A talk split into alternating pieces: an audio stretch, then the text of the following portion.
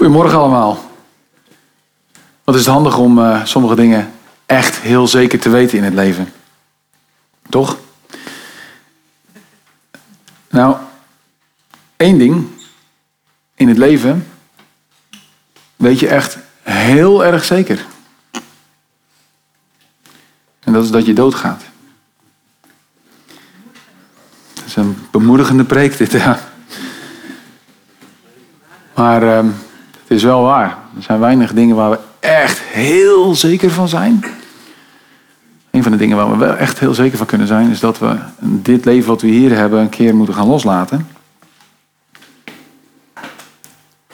En het is echt heel goed om dat te weten. Het is keihard en heel moeilijk. Zeker als je ouder wordt. En iedereen wordt gelukkig nu hier ouder. Maar het is wel echt heel belangrijk dat we dat beseffen. Vanochtend gaan we het hebben over investeren. Nou, bij investeren is het heel belangrijk. Zou het heel handig zijn als je weet wat er gaat komen. Dan kun je in iets investeren. En dan weet je al van, nou ja, dit gaat zich terugbetalen. Of niet. Als je investeert in iets van, ja, je weet niet hoe dat zal eindigen. Dan is het moeilijk om daarin te investeren. Dus het begint een beetje hard. Maar dat is wel hoe het leven soms echt in elkaar zit. Dus het is even een stevig begin, maar dat is gewoon even wat het is. Ik heb de titel, die kreeg ik echt binnen. En daarna kwam de rest. Normaal gezien kies ik de titel uit nadat ik de preek heb voorbereid. Deze had ik al. Geloof me, ik had hem al drie weken geleden. Schreef me zo op en neem van aantekening. Denk, dit is iets, hier zit een waarheid in en dit moet verkondigd worden. Maar Gisteren tijdens de kroning van uh, Prins Charles, King Charles nu, werd ik in één keer door elkaar geschud, nog een keer toen ik zijn troon zag. Ik heb er boven gezet, het kruis is van hout, maar de troon is van goud. Ja, toen keek ik gisteren naar de televisie en toen bleek hij van hout te zijn, de troon, maar daarover, daar kom ik straks dus nog op terug. We kijken vanochtend naar waarde, naar investeringen. We kijken dus ook naar de dood. We bereiden ons hiermee voor op het avondmaal wat we aansluitend zullen gaan doen. En zonder dat ik het wist, en ergens wist ik het ook wel, dat wist ik maanden geleden al, dat we deze maand voor uh, El Refugio zouden gaan collecteren. gaan we natuurlijk, dat is ook een investering. Ja. Dus het is niet een, uh, een, een, een, preek die zegt van, nou ja, trek nu allemaal de, de portemonnee voor El Refugio. Dat is het wel, maar daar gaat deze preek niet over. Maar daar zou je wel over aan het denken gezet kunnen worden. Maar ja, het is niet per se een reclame. Maar het is wel misschien een goede investering. Nou, investeren kun je leren. Maar niet van mij. Want ik hou gewoon niet van geld. Ik ben echt heel slecht met geld. De mensen die weten, ja, die mij kennen. Mijn schoonmoeder lacht nu het hardst. Het is echt zo. Ik, ik, ik heb echt een hekel aan geld. Ik uh, schat het ook echt niet op waarde en zo. En uh, misschien daarom juist weer wel. Nou, dat weet ik allemaal niet. Ik heb er wel ideeën over. Maar ik ben echt niet zo goed met geld. Dan moet je gewoon, als je mij een geld uitleent, echt herinner me dat ik het terugbetaal. Want ik vergeet het gewoon echt. Dus, niet doen. Maar goed. Over investeren en over uh, geld en dat soort dingen ben ik geen expert. Maar Jezus is wel een expert eigenlijk in alles. En het onderwijs daarover, wat gaat over investeren. Ja, dat, wat ik daarover tegen jullie zeg, is gewoon mijn mening. Maar nou, laten we maar bij Jezus houden. Jezus die zegt in Matthäus 6, vers 19 en 20, zegt hij, verzamel voor jezelf geen schatten hier op aarde. Want mot en roest, die vreten ze weg. Mot. Dat is zo'n uh, vlindertje. En die vreet dan aan je kleding of aan wat dan ook. En dan is het niet meer zoveel waard. En roest maakt iets heel moois roestig. Nou vind ik zelf roestkleur weer heel mooi, maar goed. Hè? Ik heb dus geen verstand van investeringen. Maar ja, dieven breken ook nog eens een keer in om ze te stelen. Verzamel daarom, zegt Jezus, schatten in de hemel. Daar vreten mot nog roest ze weg. Er breken ook geen dieven in om ze te stelen. Als we het vandaag over investeren hebben, dan wil ik dat niet alleen kijken naar geld, ook geld, maar ook over tijd, over je energie. En daar ben ik wel een expert in, over energie. Dat heb ik soms heel weinig. En daarom is het belangrijk dat ik dat dus goed investeer. En soms heb ik het ook wel heel veel. Dan kom ik heel energiek over. Dat weten mensen ook wel eens. Maar goed, vandaag wil ik twee ehm, eh, eh, ja, materialen daarvoor gebruiken als beeld. Hout en goud. En vandaag staat hout voor het tijdelijke en goud staat voor het eeuwige. Hout voor iets wat zijn waarde verliest. Het verrot en zo. En, eh, en goud voor iets wat zijn waarde houdt. Het, ja, wat zijn waarde dus vasthoudt. Ja. Goud is eeuwig en waardevast. Allereerst dus, het kruis is van hout. We gaan straks avondmaal vieren, gaan we het hebben over het kruis. Maar het kruis is van hout. Het was een tijdelijk iets. Gaan we zien. Dat is ook voor mensen bedoeld. En wat van mensen is, is tijdelijk. En uiteindelijk waardeloos. Gaan we zien. Iemand die dat heel goed doorhad, was een prediker. Nou was dat gewoon Salomo. Salomo die stond bekend om zijn bezit, om zijn wijsheid, zijn onderscheidingsvermogen. En het is echt, ja, het is een, eh, ik vind het een, een fantastisch stuk uit de Bijbel, omdat het zo ongelooflijk eerlijk is. En daarom begon ik ook met een wat harder stuk. ja, als we eerlijk zijn, dan zijn sommige belangrijke dingen niet zo heel erg leuk. We gaan uh, een stukje lezen uit uh, Prediker 1, um, vanaf vers 12 en dan helemaal door tot en met uh, vers 11 in Prediker 2. Komt verder niet op het scherm, want ja, ik kan het gewoon niet laten om af en toe dingen te onderbreken. Ja, ik ben gewoon onderwijzer en dan moet ik gewoon doseren tussendoor. Ja, ik kan gewoon niet laten. Maar soms is dat ook gewoon belangrijk. Dus ja, vanaf vers 12 in um, Prediker 1. En ik lees uh, uit de nieuwe Bijbelvertaling. 21. Ik, prediker, was koning van Israël in Jeruzalem. Ik heb met heel mijn hart elke vorm van wijsheid onderzocht. Want ik wilde alles wat onder de hemel gebeurt, dat is hier op aarde, doorgronden. Het is een trieste bezigheid. Het is een kwelling die de mens door God wordt opgelegd. Ik heb alles gezien wat onder de zon gebeurt en ik heb vastgesteld dat het niets meer is dan lucht en het najagen van wind. Wat krom is, kan niet recht worden gemaakt. Wat ontbreekt, kan niet worden meegeteld. Ik zei tegen mezelf: Ik heb meer en grote wijsheid verworven dan iedereen voor mij in Jeruzalem. Was ook waar, hè? want hij kreeg van God dus wijsheid, eigenlijk onderscheidingsvermogen, opmerkzaamheid, maar goed. Een soort wijsheid is dat. Ik heb meer wijsheid gekregen dan iedereen voor mij in Jeruzalem, die, uh, die in Jeruzalem heeft geregeerd. Ik heb veel wijsheid en kennis opgedaan. Ik heb me met hart en ziel voor ingespannen te ontdekken wat wijs is en wat dwaas is en onverstandig. Maar ook dat, heb ik ingezien, is alleen maar het najagen van wind. Gewoon achter de wind aanrennen. Je pakt het nooit. Daar is Salomo achtergekomen. Deze, hij noemt zichzelf hier prediker. Want wie veel wijsheid heeft, heeft veel verdriet. Ja, als je veel weet, als je veel te weten komt over mensen, als je veel van het leven gaat snappen, ja, dan heb je ook veel verdriet. En wie kennis vermeerdert, vermeerdert smart. Dus als je veel kennis krijgt, en dan krijg je dus ook veel last van je hart. Ja, van je geestelijk hart. Ik zei tegen mezelf, begint hoofdstuk 2 dan. Kom, laat ik proberen de genoegens van het leven te smaken en te genieten van het goede. Maar ook dat, heb ik ontdekt, is enkel leegte. Vrolijkheid, zei ik tegen mezelf, is niet meer dan dwaasheid. Heel blij zijn en ja, ja, allemaal blij, blij, blij. Oh, blij, blij. Het is alleen maar dwaasheid, zegt hij. En waar leidt vreugde toe? Nou, dan komt er iets wat misschien niet helemaal voor kinderoren bestemd is. Dus alle jonge strijders even de oren dicht.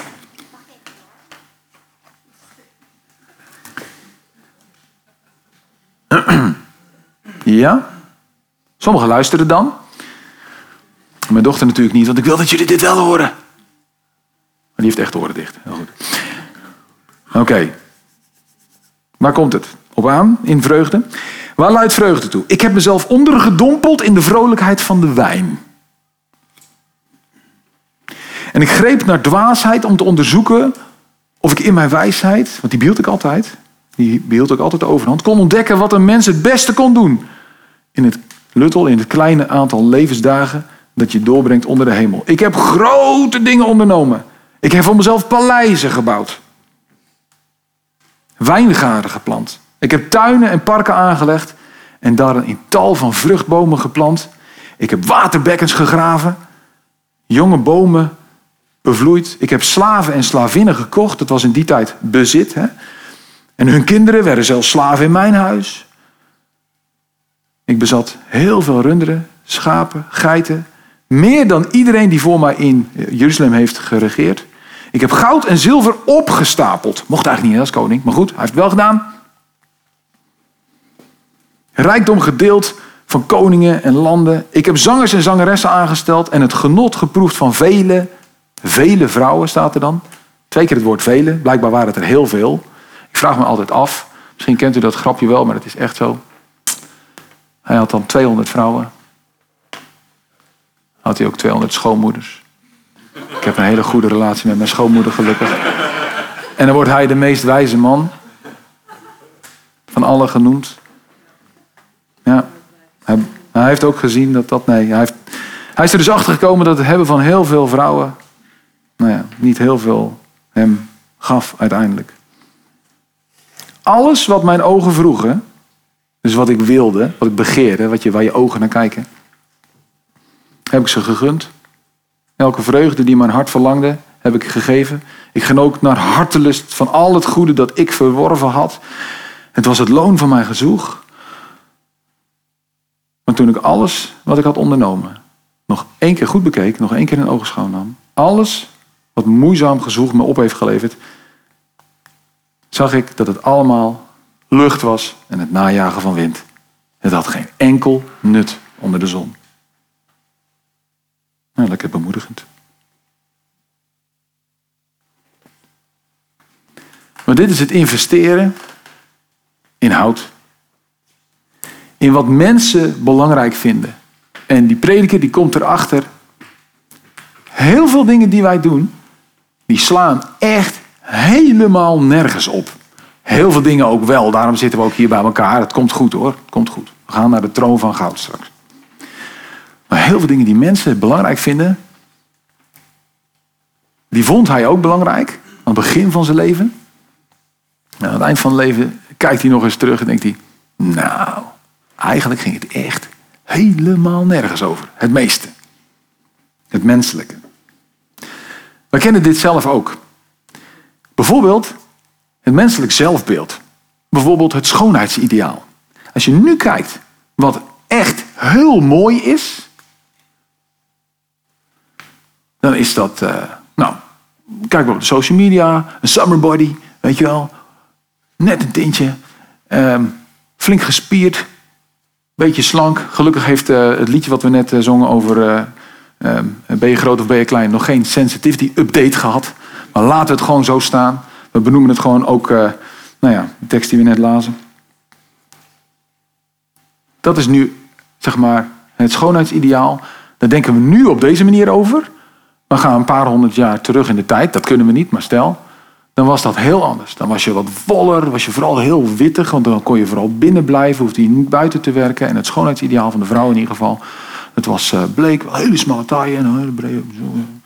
Dat is nu anders. Dat is nu echt anders. En het zal dus ook weer anders worden. En dit is echt gewoon door mensen bedacht. Wat wij nu mooi vinden. We zijn een soort pauwen.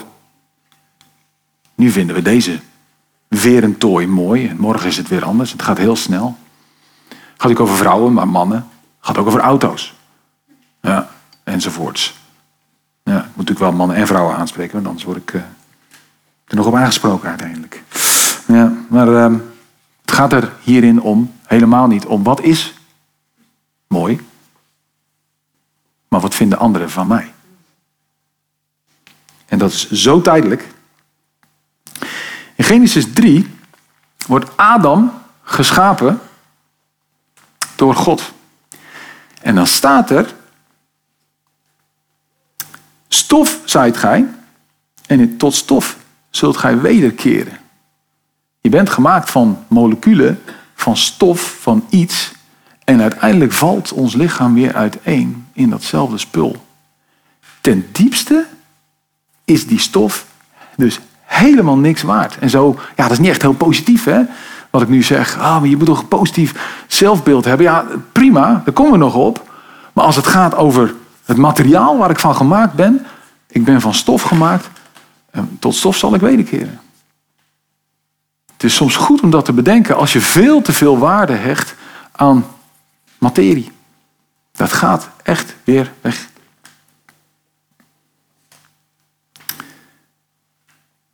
En het kruis, wat wij vandaag vieren, hoe kunnen we dat nou vieren? Een martelwerktuig. Dat was gemaakt van hout. En dan, Paulus die zegt dan in eh, de brief aan de, een gemeente, net zoals wij, maar dan iets groter, misschien of iets kleiner, in Galatië. Uh, Galaten 3, vers 13 zegt hij: Vervloekt is iedereen die hangt aan een paal, aan hout. En dat heeft hij niet zelf bedacht, Paulus, maar hij grijpt ermee terug op het Oude Testament. Er was dan een wet. Als er iemand gestenigd werd en hij werd er dood veroordeeld, dan werd hij aan een paal gehangen. Zo van, dat is tegenovergestelde van gezegend worden. Dan ben je vervloekt. En Jezus, die werd die vloek. Maar hij werd aan een kruis gehangen. Een kruis van hout. En dat, dat het van hout is gemaakt, betekent ook dat het niet voor altijd was. En Paulus die, mm, misschien Paulus, we weten niet precies wie de Hebreeënbrief heeft geschreven. De schrijver van de brief aan de Hebreeën, die zegt dit eigenlijk heel kernachtig. Een tekst die je eigenlijk allemaal zou moeten weten. Hebreeën 12 vers 2. Laten we daarbij, nou dan moet je het stuk ervoor ook nog maar een keer lezen, de blik gericht houden op Jezus, de grondlegger en voltooier van ons geloof. Eigenlijk de leider van wat we geloven. Jezus is natuurlijk ons voorbeeld. Oké. Met de vreugde die hij voor ogen had, dat ligt dus nog in de toekomst, dat is, het gaat over een investering dit, heeft hij het kruis van hout, dus verdragen en de schande ervaart, een tijdelijk iets, en heeft hij zijn plaats ingenomen aan de rechterzijde van de troon van God. Dus wat Jezus deed en wat we zometeen gaan vieren met het avondmaal, daarin laat Jezus zien, ik ging ergens doorheen, maar Jezus wist, ik moet dit ondergaan, maar ik kijk naar wat daarachter ligt. Hij is daar doorheen gegaan om uiteindelijk uit te komen bij iets beters. En dat was een investering.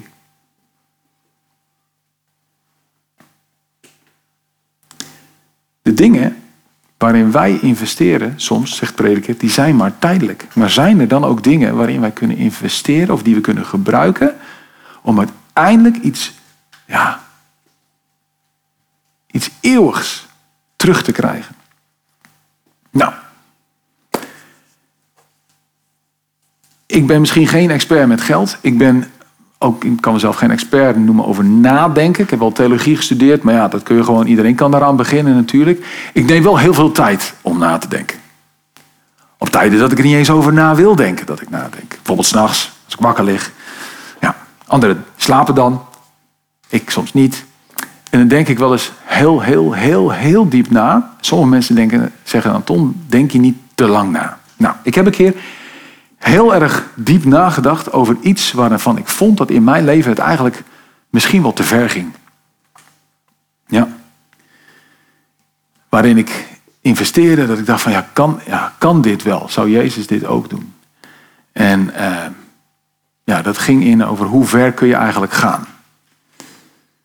Op het gebied van uh, bordspellen. Ja, dat is gewoon zo.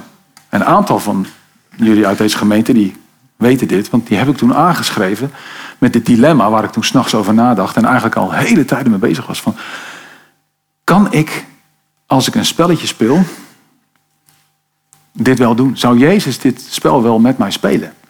En dan denk je, ah, ja, we gaan gewoon lekker schaken en zo. Wat doe je zo moeilijk over? Nou, ja, wat doe je zo moeilijk over? Als je in een spelletje, dan dacht ik erover na, als je nou gaat liegen, zou Jezus datzelfde spel gewoon met zijn discipelen en mij daarbij spelen? Ik had er echt hele, hele, hele diepe gedachten over. En echt van, moet ik dit wel doen? Nou goed, ik heb een aantal mensen aangeschreven in mijn leven, ook uit deze gemeente. Die weten dat nog wel, of ze zijn het weer vergeten, kan ook. En die hebben daarop gereageerd. En er kwamen zulke mooie dingen uh, uh, terug. Over, ja, weet je, dat is binnen dat spel. En dat, dat, dat maakt daar niet uit. En anderen zeggen van, ja, ja, wel aan denken gezet. Maar ik wou ook weer niet een wet erover maken. Want ja, ik hou, ja, gewoon niet binnen het Jodendom, en de wet. Ja. Hm. En toen kwam een van deze personen, die kwam terug, die zegt van, joh, ja, ik, Je kunt hierover nadenken en welk spel welk niet, maar besef je wel dat werkelijk geen enkel bordspel mee de hemel ingaat. Zelfs het beste spel wat je kunt spelen, dat gaat echt niet mee als jij naar het hiernamaals gaat. Toen dacht ik, ja, daar zit zo'n wijsheid in. Ik kan wel weer onderscheid maken tussen, oh, dat is wel goed en dat is niet goed en zo, maar uiteindelijk blijft Rummikub gewoon hier. Ja, en ook wie is de mol? Wat gaat over liegen? En ook het spel Kings of Israel, wat gewoon gaat over de koningen van Israël. Prachtig spel, ja. ja, ja, ja. Het blijft allemaal hier. We laten alles achter. Waarin investeer je? Nou, voor mij was dit echt een grote strijd. Ik ben misschien de enige die die strijd in deze gemeente op die manier gevoerd heeft. Maar ja, ik dacht wel na over waar investeer je je tijd in. Nou, we hebben laatst hebben we een spelletjesmiddag gehad, dus blijkbaar mag dat in deze gemeente. En horen bordspellen er weer gewoon bij, gelukkig maar. Maar investeren in iets tijdelijks. Hmm. Dus het kruis is van hout, maar de troon is van goud. Wat van God vandaan komt, is eeuwig, is blijvend. Goud. En ik had die titel dus bedacht. En toen keek ik gisteren naar de kroning van Charles. En allemaal gouden voorwerpen. Schalen, scepters, zwaarden. Een kroon van goud. En hij gaat zitten op de troon. En die was van hout. En toen dacht ik, moet ik dit hele verhaal nou opnieuw gaan schrijven? En toen dacht ik, nee. Toen ben ik het onderzoek gaan doen. Dat ding dat was dus van goud. Ja, hij was van hout, maar hij is overtrokken met bladgoud. En dat zag je niet meer, maar dat was er allemaal alweer afgegaan. Dus zelfs het goud hier op aarde, dat staat alleen nog maar symbool voor koninklijk en eeuwig en groot. Maar het bladdert wel af. En dan zie je, ik weet niet, wie heeft het gezien? Handje in de lucht, houden van in de FG gemeente. Oh, zijn wij helemaal. De samenvatting zelfs. Oké, nou dan heb je dat kroonmoment gezien. En op dat moment dan zag je ja, dat er gewoon in die stoel gekerfd was. En gewoon een soort uh, ja, gravity van 700 eh, jaar geleden. Ja. Het staat wel symbool voor blijvend. Goud staat symbool voor blijvend. Daarom goud. Het houdt zijn waarde. Zullen we lezen over die troon? Johannes, je mag kijken in de hemel. In Openbaringen 4 krijgt hij een visioen. Hij was niet in Openbaringen 4. Hij kreeg een openbaring. En dat hebben ze opgeschreven. Zij opgeschreven. En in hoofdstuk 4 staat dan het volgende. Hierna had ik een visioen. Er stond een deur blijkbaar, denk ik dan, open in de hemel. Ja, het woordje blijkbaar, dat heb ik er zelf bij gedaan. Er stond een deur open in de hemel. Wat dat ook mogen betekenen. Maar hij kreeg een kijkje, misschien wel door die deur, ik weet het niet.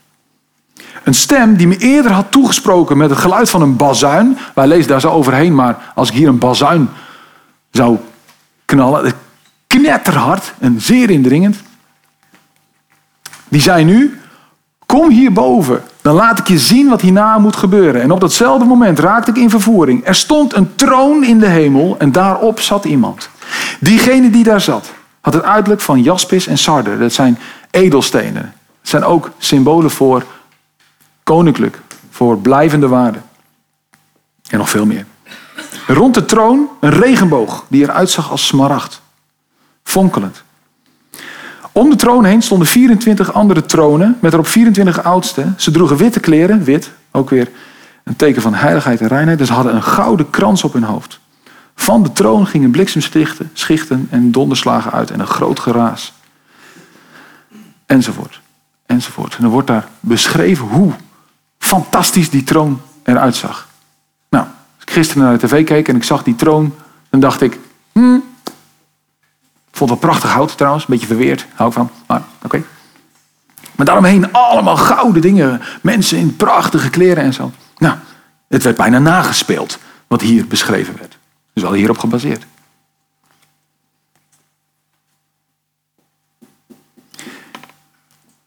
En die troon, ja, in mijn beeld was die van goud. Als we doorlezen, dan is in hoofdstuk 20 zien we dat hij een witte kleur heeft. Dus waarschijnlijk dan ivoor of iets dergelijks. Wat ook niet meer gezegd mag worden tegenwoordig. Want ja, ivoor. Maar ook dat staat voor waardevol en koninklijk. Dus als die troon van God, van goud is en alles daaromheen eeuwig, dan is het voor ons goed als mensen om te investeren in dat wat blijvend is en niet in dat wat tijdelijk is. Of het moet even zijn om uiteindelijk iets gouds terug te krijgen. Het hout van het kruis gebruiken om naar het goud van de troon te gaan. Begrijpen we me nog?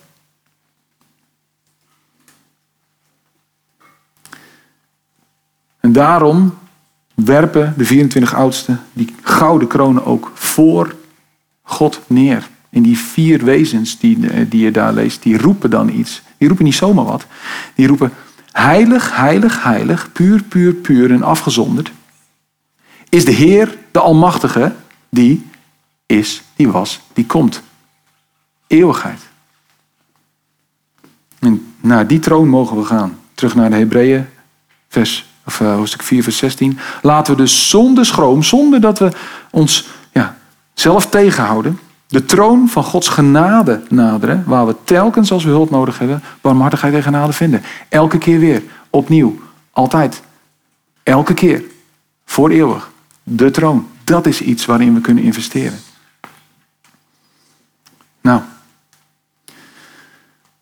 probleem zit hem in, God is daar en dat is duidelijk, wordt dat hier ook in openbaring op waarde geschat. Maar wij als mensen, plakken wel eens stickertjes op dingen.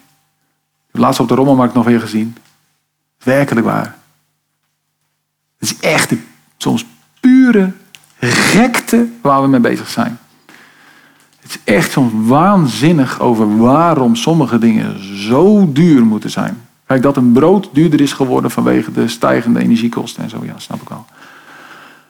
Maar dat de ene spijkerbroek 30 euro is en de andere 500 euro, is echt pure gekte. Dat is de waarde die toegekend is door mensen. Die spijkerbroek gaat echt weer verrot. En dan is die niets meer waard. Of als de mode verandert, dan is die ook niets meer waard. Het is zo tijdelijk. Eigenlijk kunnen wij mensen waarde niet echt goed bepalen. Er is er maar één natuurlijk die dat echt kan. Hij bepaalt en wij hebben gewoon een tijdelijk idee. Zo zit het gewoon met waarde. Je kunt echt stickertjes plakken op dingen. En in één keer vind jij, voor de ene zit eh, een stoel superveel waard. En voor de andere is de ander dat niet waard. Ja, dat is. Maar degene die bepaalt hoeveel echt iets echt waard is, dat is God. Die zit op de troon. De eeuwige. De heilige. Hij weet het. En wij hebben een idee. En dat is vaak ook nog eens een keer ontzettend tijdelijk. En dit is waarom we nou zo moeilijk doen over het huwelijk. In de kerk. Wordt wel eens gezegd van, oh man, ja, jongen, jongen, dit is zo moeilijk over. Waarom moet je nou... Nou, dat komt omdat degene die met het huwelijk weerspiegeld wordt, de relatie tussen God en mensen, de eeuwige, de heilige, de waardevaste, de relatie die hij wil met mensen, die wordt gesymboliseerd in, de, in de, uh, het huwelijk tussen man en vrouw. Niet voor niks dat we daar dus ook, ik zeg zo moeilijk over doen, maar eigenlijk dat als heilig zien. Als afspiegeling, afgezonderd. Een relatie. Daarom zie je ook vaak een gouden ring. En ik ben echt niet voor tatoeages. Maar technisch gezien kan ik de gedachte nog wel aan dat als je gaat trouwen, dat je dan zegt van, ja, Laten wij zo'n ring hier tatoeëren. Dat is ook zo'n blijvend iets. Ik, ik zeg niet dat jullie allemaal tattoos moeten gaan laten zetten over van alles en nog wat. Persoonlijk niet echt mijn voorkeur, maar ik ben ook geen expert op dat gebied.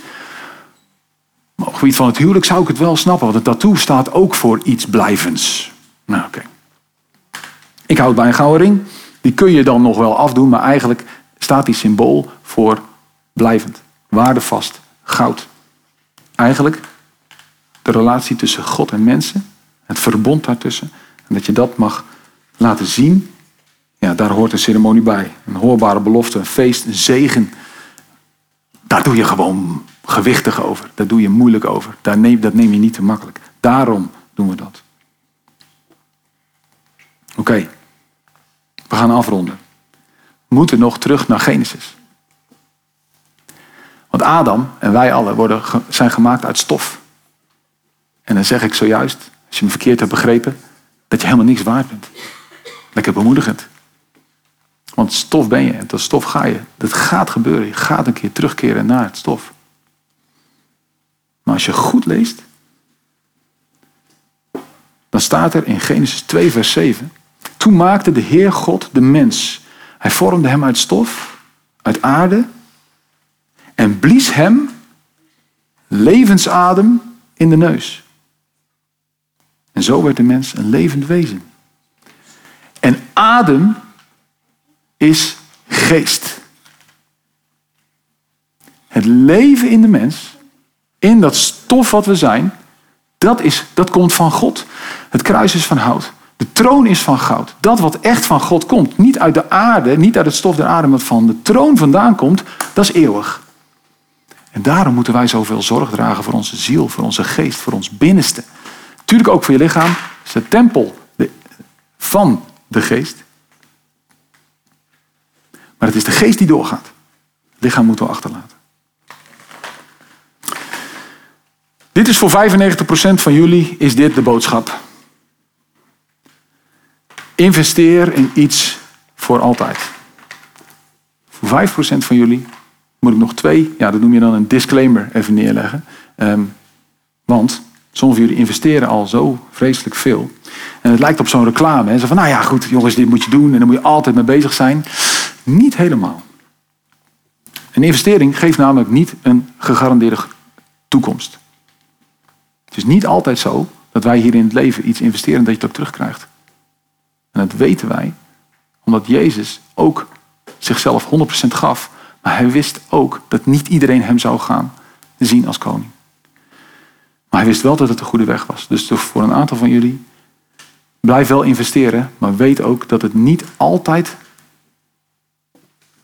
ja, zich terug zal betalen. En toch is het het goede om te investeren in ja, de goede dingen en niet de tijdelijke dingen. Het tweede is, God maakte de wereld in zes dagen en op de zevende dag deed hij dat niet. Ja. Toen nam hij rust. Dus om altijd te blijven investeren en investeren en investeren. En oh, ik moet dit nog doen, uh, of mijn geloof en ik moet daarmee bezig zijn. Want dit heeft allemaal eeuwigheidswaarde. Blijvend, eikenhouten tafels. Want ja, dat blijft. Ja, ja, ja, ja, klopt. Maar bouw ook zandkastelen. Ga gewoon lekker op het strand. Zandkastelen die worden wel weer weggespoeld, klopt. Maar je hebt echt wel een goede tijd gehad met je kind. Ja. Dus dat is voor 5% van jullie. Ja. Investeer, maar, maar 1 op 7. Geniet ook van wat je hebt. Ja. Oké. Kinderen mogen nu worden gehaald. Uh, als iemand dat wil doen namens mij, ja, Fred gaat, dan geef ik jullie even een vraag mee. En dan mag je gewoon even in de tussentijd ja, over nadenken of even met elkaar over hebben. En dan komen die kinderen binnen druppelen en dan, uh, dan uh, gaan we daarna naar het avondmaal. Maar de vraag die ik jullie mee wil geven is: ja, denk je er eens even over na. Waar investeer je eigenlijk in? En, en zijn er nou dingen die bij je opgekomen zijn vanochtend, die zegt van, ja, ik investeer hierin en ik, en ik zie dat dit eeuwigheidswaarde heeft. Dit is, dit is goud. Dit is iets wat ik hier op aarde kan doen, wat eigenlijk eeuwigheidswaarde heeft. Dat doe ik. Deel dat eens met elkaar. Hoef je niet mee te pochen, maar het is gewoon, ja, deel dat eens met elkaar. Maar ook dat je zegt van, nou, ik ben hier wel heel veel mee bezig. Het is, eigenlijk slaat het helemaal nergens op. Durf dat ook eens te delen met elkaar. Ja? Eerst van binnen aangesproken worden en dan uh, delen. Ondertussen zal er een muziekje worden gespeeld. Dan uh, geef ik jullie even de tijd om in gesprek te gaan. Als je de podcast luistert, denk er even zelf over na. Tot zover.